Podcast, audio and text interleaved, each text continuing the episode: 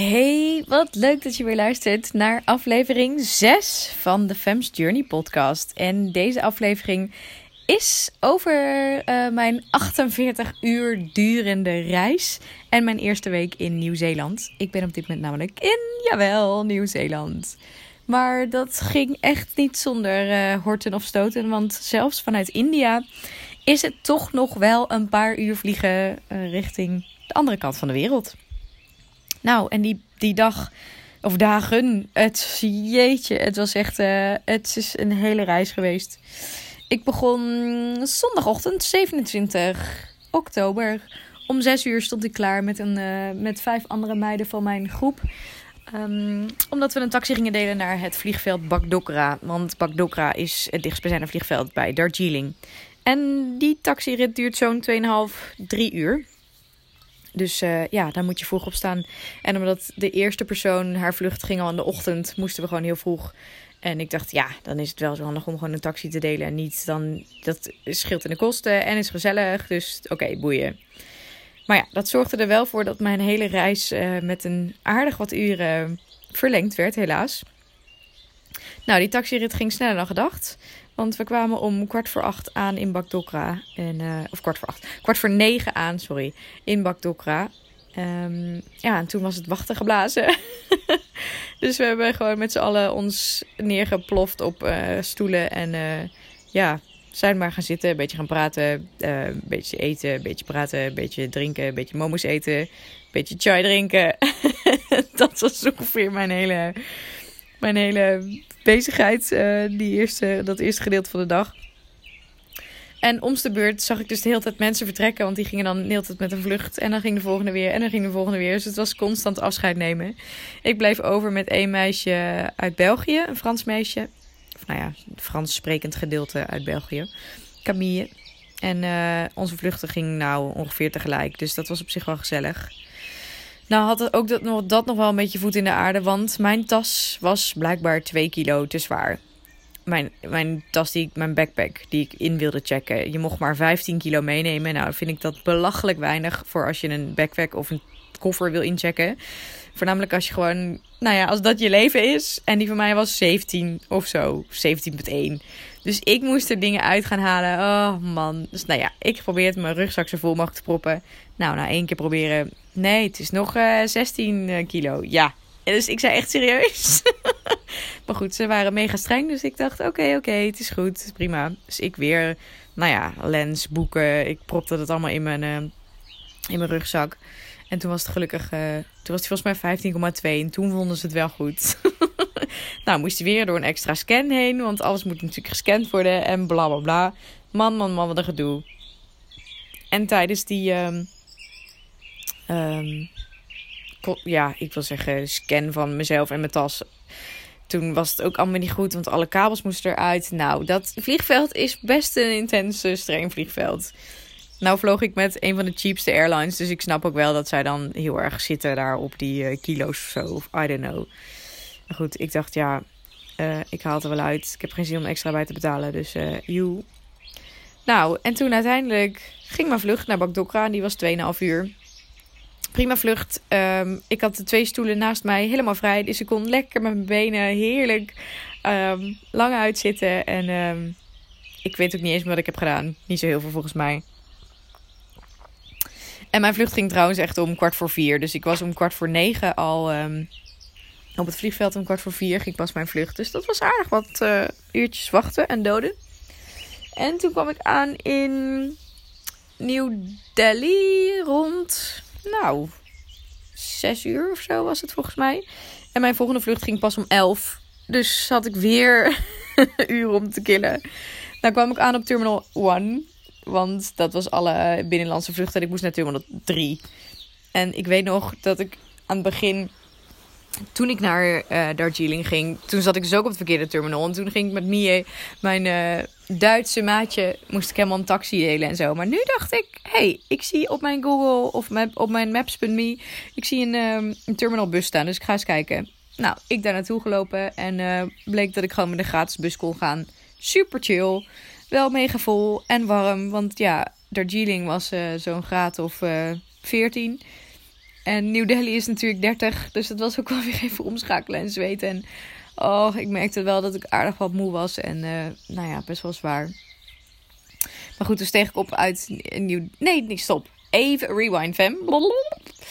Ik wilde mijn tas inchecken. Dus ik naar Malaysia Airlines, want dat was de vliegmaatschappij. En zij haalden mijn paspoort door hun scan heen en dat piepte. Nou, weer zes keer. Nee, piepte nog steeds.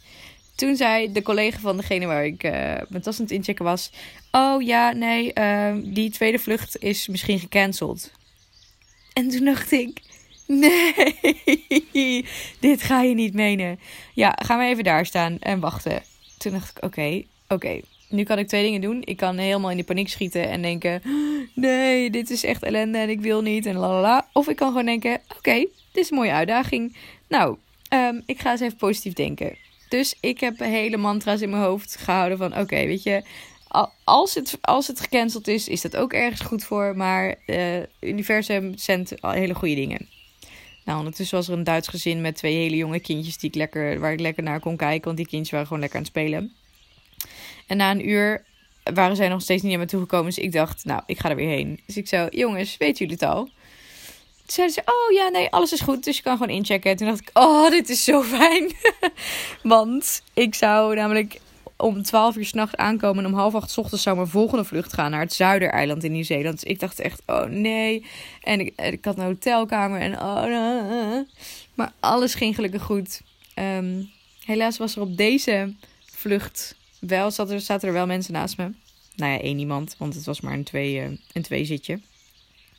Maar ja, die duurde, gewoon, die duurde gewoon lang. Tien uur in een vliegtuig zitten. Ik pff, doe het niet graag. Nee. Dus ik heb volgens mij één of twee films gekeken. Ik heb wat geslapen. Een beetje eten natuurlijk krijg je. En het spelletje op de telefoon gedaan. Nou, toen was het eindelijk. Was ik eindelijk geland in Nieuw-Zeeland. 12 uur s'nachts. En toen had ik nog wel een beetje spanning. Dat ik dacht, oeh. Ik weet niet hoe dit bij de douane gaat. Want in Nieuw-Zeeland, voor de mensen die het niet kennen, is mega streng. Je mag niks van fruit meenemen. Eigenlijk niks van eten. Omdat ze hier um, bepaalde, pest, bepaalde pesticiden en bepaalde bacteriën niet hebben, zijn ze gewoon heel streng. Ze hebben bijvoorbeeld ook geen fruitvliegjes. Dus als je een appel of een banaan meeneemt, nou, dan word je ongeveer half de gevangenis ingeslingerd. Omdat het gewoon, um, ja, dat mag gewoon echt niet. Je moet je bamboe tandenborstel moet je weggooien en al dat soort dingen. En ik was stiekem een beetje bang, want ik had in India een mala gekocht. Um, Zo'n ketting met 108 kralen eraan die je kan gebruiken als meditatie. Maar die kralen, die waren volgens mij gemaakt van bepaalde zaden. Dus ik kneep hem een beetje. Ik dacht echt, oh, ik weet het niet. Ik weet het niet. En um, mijn, uh, gewoon mijn, mijn huisgenootjes daar in, in India, die zeiden, ja joh, maakt niet uit. Dan probeer het gewoon. En anders dan, uh, nou ja, als ze het eruit halen, dan uh, gooi het weg, whatever. Maar toch kneep ik een beetje. Omdat, ja, ik weet niet. Het blijft toch gewoon een beetje spannend. Dus nou, ik kwam daar aan, aangevuld dat ik allemaal niks mee had genomen en zo, bla bla. Dus uh, die vrouw die zegt alleen, heb je iets van hiking schoenen, wandelschoenen of bla bla. Nou ja, die had ik aan. Dus ik zei, ja, ik heb deze aan. En waar ben je geweest? Nou ja, in India, bla bla bla. Dus toen zei ze, nou, ik, vind, ik wil het eigenlijk wel even schoonmaken. Maar uh, heb je verder eens niks van kampeerspullen bij je? Ik zei, nee, alleen dit. Dus toen hebben ze alleen mijn schoenen schoongemaakt. Nou, mijn, tas moest door de scan. En het was allemaal prima. Dus ik kon met een heel fijn, gerust hart het vliegveld uitlopen. En um, nou ja, ik ken dat natuurlijk al daar. En ik wist ook welk hotel. Want dat was de vorige keer ook daar geweest. Dus ik heb daar gewoon uh, nou ja, een kwartiertje, 20 minuten lopen was dat van het vliegveld. Kwam daar aan rond een, nou ja, één uur denk ik. Dus ik ingecheckt en... Um, het was stiekem wel heel fijn dat ik dat hotel, dat ik daar een dagje had. Want ik had zelf gewoon gedacht, oké, ik, ik zit wel gewoon vier uur op het vliegveld, boeien. En, um, maar ja, uiteindelijk toch een hotel gekregen zelfs van mijn familie. Super, super, super lief. Oh, het is zo dankbaar. Dus ik heb zalig vier uurtjes geslapen en eerst gedoucht. Oh, dat was zo lekker. En toen uh, even geslapen nou ja, hop, weer de volgende dag, bam, meteen weer naar het vliegveld toe. Want ja, ik moest daar al om half acht een vlucht hebben. Dus volgens mij liep ik om kwart voor zes weg, was ik om zes uur daar. En lekker een theetje gekocht met mijn eigen Nieuw-Zeelandse pinpas. Ik voelde me helemaal al een beetje local. ik dacht echt, oh my god, ik voel me hier helemaal thuis. Ehm, en toen die vlucht, nou ja, toen hadden we zelfs nog een beetje vertraging. We moesten het landen uitstellen omdat er mist was of zo. Ik heb nergens mist gezien, maar blijkbaar was er mist. En uh, toen eindelijk, eindelijk was ik aangekomen. En mijn oom Bart, Bart die stond mij op te wachten. En uh, ja, het was heel gek.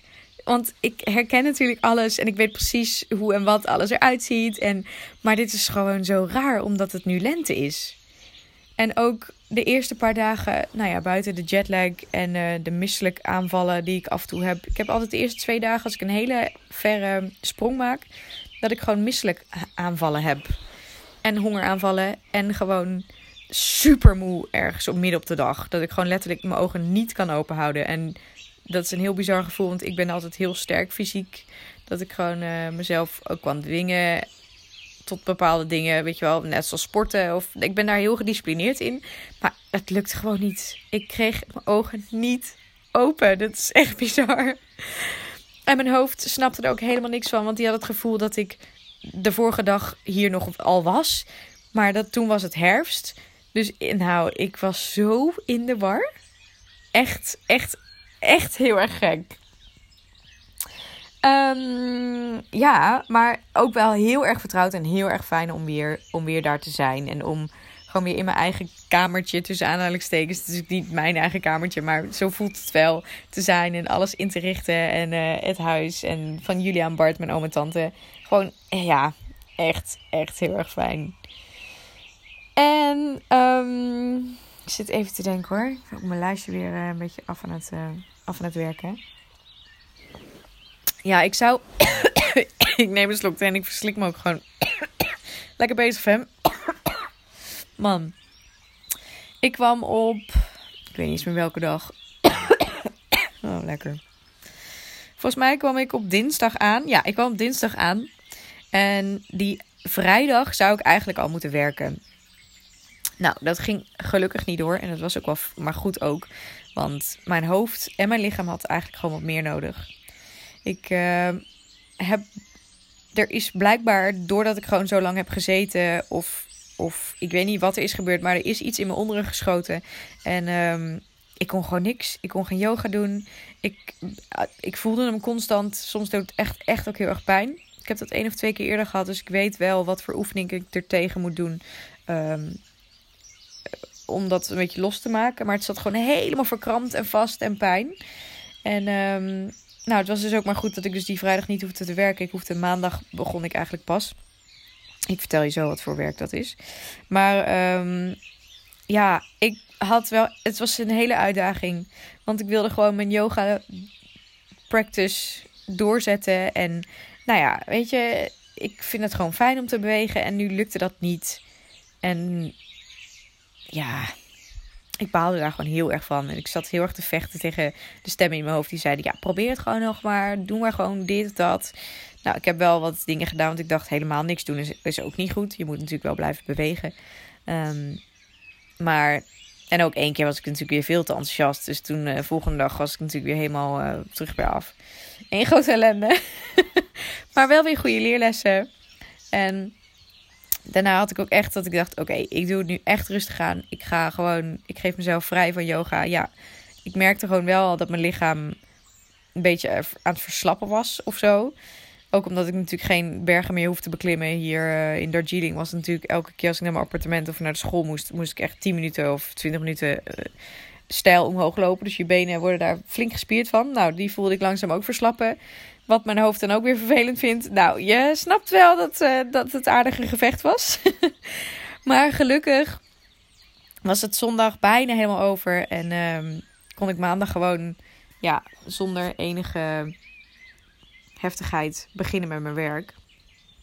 Maar dat had dus wel wat voeten, voeten in de aarde, zoals ze dat dan zeggen. Lekker zo'n uitspraak. Oké, rewind. Want ik zit weer veel te snel te lullen. Mijn Bart was namelijk jarig. Die was donderdag jarig. Dus we gingen lekker uit eten bij een uh, restaurantje waar we wel vaker uh, uit eten gaan. heerlijke Thaise curry gegeten. Ja, dan denk je, hoezo eet jij een Thaise curry in Nieuw-Zeeland? Nou, een half jaar geleden had ik die daar gegeten. En die is dus goed. Ik, ik stond ervan te kijken. Ik ben natuurlijk zelf ook in Thailand geweest uh, begin dit jaar een maand. En die curry's, oh die curry's, die zijn zo lekker. Um, maar deze was dus gewoon bijna net zo lekker. Dus ik dacht, ja, sorry, maar ik ga gewoon die curry weer doen, want ik vind die super lekker. Nou, um, toen ging ik vrijdag met Julia mee naar een andere stad. Eerst naar Alexandra. Um, want ze had daar een, uh, een cliënt. Zij doet orthobionom... Ik wil het al in het Engels zeggen. Orth, orthobionomy. Orthobion... Bion, Hoezo weet ik dat woord even niet meer? Nou goed, maakt niet uit. Um, soort van fysiotherapie, maar dan eigenlijk veel, veel dieper. Er zit een hele energetische laag, dus een energielaag. En je, ze laat je lichaam bewegen, of ze beweegt je lichaam op een manier waarop het zichzelf herstelt. Super bijzonder. Mega, mega interessant. Um, maar dat doet zij dus hier in de buurt. En daar is ze dus cliënten. Dus nou ja, we hadden zoals Alexandra een cliënt. En dan gingen we door naar Wanneka. En Wanneka ligt zo'n 2,5 uur rijden van de plek waar ik nu ben. Waar Bart en Julia wonen. En um, Wanneka is gewoon een super fijne stad. Ligt aan een meer. Het is heel rustig. Dus ze hebben een soort van verbod op, um, op, massieve bouw. Zodat er massatoerisme naartoe komt. Zoals Queenstown. Queenstown ligt uh, ter zuidelijk van Wanneka. En dat is gewoon een grote explosie aan toerisme. Dat ja, heeft gewoon een andere vibe. Um, maar in Wanneka gingen wij een nacht overnachten. Zij had daar uh, van een cliënt van haar. En die heeft daar een huis. En die uh, heeft meerdere huizen. Dus die slaapt daar niet altijd. Ze mochten daarin. En dat uitzicht vanuit die tuin. En vanuit het keukenraam. Nou, als je mijn Insta-stories hebt gevolgd, heb je het gezien. De bergen, het meer. Het lag op een, op een heuvel. Dus, dus je, nou ja, je, je kon gewoon goed uitkijken over alles. Zo bijzonder. Ik, ik en Julia waren helemaal happy daar. En zij heeft daar wel vaker gezeten. En ze zegt: Ik voel me altijd een koningin in dit huis. En maar dat is ook echt zo. Van de buitenkant denk je: Oké, dat is echt een lelijk huis. En van de binnenkant denk je: Wow, oké, het is gestagneerd in de jaren 70, denk ik. Maar um, de badkamer is dan daartegenover wel weer knijternieuw. Maar die plek, dat uitzicht en de tuin, gewoon precies een goede grootte. Er zat een zwembad in, niet dat daar water in zat, maar um, ja, de hele sfeer was gewoon zo bijzonder. Echt heel fijn. Dus uh, nou, toen zij die cliënt had, heb ik lekker even een wandeling gemaakt. Um, ja, nog steeds met dippen van moeheid als een malle. Want die jetlag was gewoon echt nog niet uitgewerkt. En de volgende dag, um, na een heerlijk gezellig ontbijtje ergens in een tentje, zijn we weer teruggegaan. Via Alexandra. De stad, want daar had ze een, uh, afgesproken met iemand anders, haar Engelse lerares.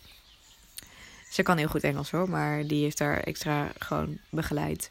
Dus daar zat ik ook even bij. Mijn favoriete tentje, de Courthouse Café in Alexandra. Als je naar Nieuw-Zeeland gaat, ga daarheen, want daar hebben ze super lekkere dingen. Ik neem daar altijd een mango smoothie. Oh, super nice. En ik had nu een asperge couscous, parel couscous salade. Ook echt mega lekker. Maar de avocado toast is daar ook super chill. Nou goed, um, 99,99% komt er vast niet. Maar voor die ene, alsjeblieft. De Courthouse Café in Alexandra, Central Otago. Doen. Uh, ja, nou, en het weekend heb ik nog een beetje rustig aangedaan. Ik heb wat uh, nog video geëdit die ik voor Millennial Lift moest doen. Ik werk namelijk voor Millennial Lift. Um, wat is Millennial Lift, Fem? Nou, dat zal ik je even snel uitleggen. En dan kan je naar de website. nee, Millennial Lift is een platform um, voor millennials. Hey, kaboonch. Uh, waarop je, waarin je heel veel informatie kan uh, vinden over, nou, weet je, alle millennials zitten natuurlijk met wie ben ik, wat wil ik, waar wil ik heen. En wij hebben met een hele groep, zijn we allerlei content aan het creëren om die millennials dus te helpen. Uh, zowel offline als online. Uh, online staan er dus blogs en uh, er komt een, um, nou, het, wordt een, het wordt een heel groot ding. Echt heel erg tof. Waarin je dan ook een soort van abonnement kan hebben. En ehm, dan kan je dus ook e-learnings krijgen, workshops. Nou ja, een echt, echt een heleboel meer. Vet interessant. En offline doen ze dus uh, live workshops en um, aan bijvoorbeeld ook bedrijven van hoe ga je nou om met millennials in je, in je werkveld of uh, wat hebben ze nodig en nou ja, mega interessant. Ik doe daar heel veel um, de social media voor, maar ik heb ook video's, e-learnings gemaakt en uh, dat is nog allemaal aan het ontwikkelen. Zij gaan namelijk, dan moet ik even bedenken of het december is. Gaan ze helemaal online? Maar de website staat al wel online, millenniallift.com. En um, nou ja, het wordt, het wordt echt, echt heel erg vet. En er werken gewoon vet veel goede mensen samen die uh, heel veel kennis, goede kennis kunnen delen. Oké, dit uh, hoofdstuk is afgesloten. ik merk dat ik een beetje aan het, uh, aan het brabbelen ben. Op dit moment zit ik in een huis. Nou, niet te doen. ik ben aan het huis oppassen bij, uh, bij de buren van Bart en Julia. En die, hebben echt een huis waar je u tegen zegt. Ik, ik snap niet. Nou ja, het ging afgelopen dagen even niet zo goed. Maar nu voel ik me wel weer goed. Ik merkte dat er buiten dat ik mijn lichaam natuurlijk niet echt uh, chill meedeed. Dat mijn hoofd ook weer aanging helaas. In India heb ik dat heel erg opzij kunnen zetten of op pauze kunnen zetten. Ik weet niet precies wat het was. Maar nu kwam het drie keer zo hard weer teruggekatapult. Met al mijn oude patronen, met al mijn angsten, met al mijn. Um, nou ja, dat ik de hele tijd in tekorten denk en geld en. En wat wil ik nou met mijn leven? Millenniallive.com. Maar. Uh, nee. Um, en nu zit ik dus in een huis waarin er overvloed is aan alles. Aan ruimte, aan eten, aan nou. Ik voel me weer. Ik voel me nu dus nu een koningin in dit huis. Echt bijzonder. Waarom ben ik dat nou aan het oppassen? Nou, het is een halve boerderij, want ze hebben lammetjes en kippen en varkens. En uh, die moeten natuurlijk ook allemaal gevoerd worden. Dus um, dat doe ik nu de aankomende paar dagen. Superleuk. En die lammetjes zijn ook mega lief. Um, maar goed. Ik zit even te denken of ik nog wat meer uh, kan delen. Ja, hoe ik nu dus die mindset aan het shiften ben. Dat is misschien wel interessant voor jullie ook. Jullie. Alsof jullie ook die problemen hebben. Misschien luistert er iemand en die heeft ook zo'n probleem. Nou, dan heb je er wat aan. Um, ik zat weer helemaal vast in, in nou ja, het negatieve denkpatroon. Um, tekorten, stress over geld, al dat soort gezeur. En ik dacht, oké, ik heb al eigenlijk al meer dan een maand ben ik niet meer bezig geweest met het manifesteren. Met al die opdrachten die ik altijd deed uh, afgelopen jaar. En um, ik heb natuurlijk wel veel gemediteerd, maar dat was op een hele andere manier. Omdat ik met die yoga teacher training bezig was. Dus ik dacht, ik moet mezelf hier weer even in, uh, ingooien. En gelukkig werkte dat heel erg ook mee, omdat mijn lichaam dan weer deed. Dus ik heb toen uh, ben ik met yoga begonnen. Een uh, Yoga with Adrian video op YouTube voor de onderrug. En vanuit daar begon het te shiften. Die video was afgelopen, die duurde 20, 25 minuten. En toen dacht ik, ja, ik vind het wel lekker. Ik wil eigenlijk gewoon nog wat meer doen. Dus toen heb ik zelf nog wat yoga gedaan. Toen heb ik uh, een videootje op YouTube aangezet met een bepaalde hertz. Je hebt healing muziekvideo's. Uh, bijvoorbeeld een video van 432 hertz of een video van 652 volgens mij of 800 nog iets. Nou, die bepaalde um, frequenties die helpen je onbewust en bewust met het shiften en het helen van je energie of met je blokkages of dat soort dingen. Blokkades, sorry. Dus heb ik toen aangezet een video die mij aansprak en toen heb ik gewoon een half uur ook nog gemediteerd. Oh, en daarna voelde ik me zo fijn. Echt heel erg chill. Het is nog steeds niet weg en ik ben echt ook nog lang niet. Uh, ik ben weer flink teruggezakt, dus ik moet er weer heel erg aan werken. Maar ja, ik heb wel weer zin om gewoon te gaan beginnen met oefeningen te doen. Om mezelf weer in een goede mindset te zetten. Um, om in overvloed te leven en dat weer te kunnen zien. En uh, ja, dus ik ga weer oefeningen van de Manifestation Babe, uh, Catherine Zenkina, doen. Ik vind haar super leuk. Zij is een Amerikaanse vrouw, wil ik zeggen, maar ze is echt een paar jaar jonger dan ik. En uh, nou ja, ze heeft dus een heel platform gecreëerd wat Manifestation Babe heet. En zij doet gratis, maar ook gewoon betaalde cursussen en opdrachten. En de vorige keren dat ik dat deed, werkte dat als een malle. Dus ik heb gewoon ook weer zin om dat te gaan doen. Om mezelf weer, uh, even omhoog te krikken. Want ik ben weer een beetje naar beneden gevallen. Na mijn heerlijke maand in India, waarop ik niks hoefde te doen, niet hoefde na te denken. Och, ik heb daar zo van genoten. Ondanks dat het best fysiek en gewoon best wel pittig was. Maar stiekem was het voor mij een heel een, een maand ontspannen. Ja. Ik hoefde niet zelf na te denken, niet mensen aan te schrijven, niet te vechten om, om, om geld of om een bepaalde prijs wat ik waard ben. Um, even niet te bedenken wat ik, wat ik wil in mijn leven. Ik kon gewoon focussen op yoga. En dat was echt masterlijk fijn. Nou, lieve mensen, zoals je hoort is mijn neus ook een beetje dicht gegaan. Ik weet niet of dat allergie is of uh, dat ik gewoon een beetje verkouden word. Maar ik ga jullie ophangen, wilde ik zeggen. zo, zo lijkt het wel een beetje, omdat ik in mijn telefoon praat. Dus het lijkt alsof ik uh, met iemand aan het bellen ben. En uh, ik ga jullie volgende week vertellen wat voor werk ik doe nu op dit moment. Spannend! Het is namelijk stiekem al woensdag nu ik dit opneem. Ik had het veel eerder op willen nemen, maar ik was gewoon te druk met werken en zo. Dus um, ja, ik ga het jullie eh, later laten weten. Als je nou een vraag hebt voor mij, of als je iets interessant vindt, of als je even kwijt bent wat, uh, wat voor naam of weet ik veel wat. Stuur me even een berichtje op Instagram, dat is denk ik het makkelijkst. Femke Jogien Hermans uh, is mijn naam daar en ik ben daar mega actief, zoals velen van jullie wel weten. Um, stories posten en ik vind het ook gewoon heel erg leuk om uh, met jullie te interacten. Dus als je een vraag hebt of gewoon iets wil zeggen, laat me weten. En dan, nou, dan spreek ik je daar. En voor nu, heel erg bedankt voor dit half uurtje luisteren.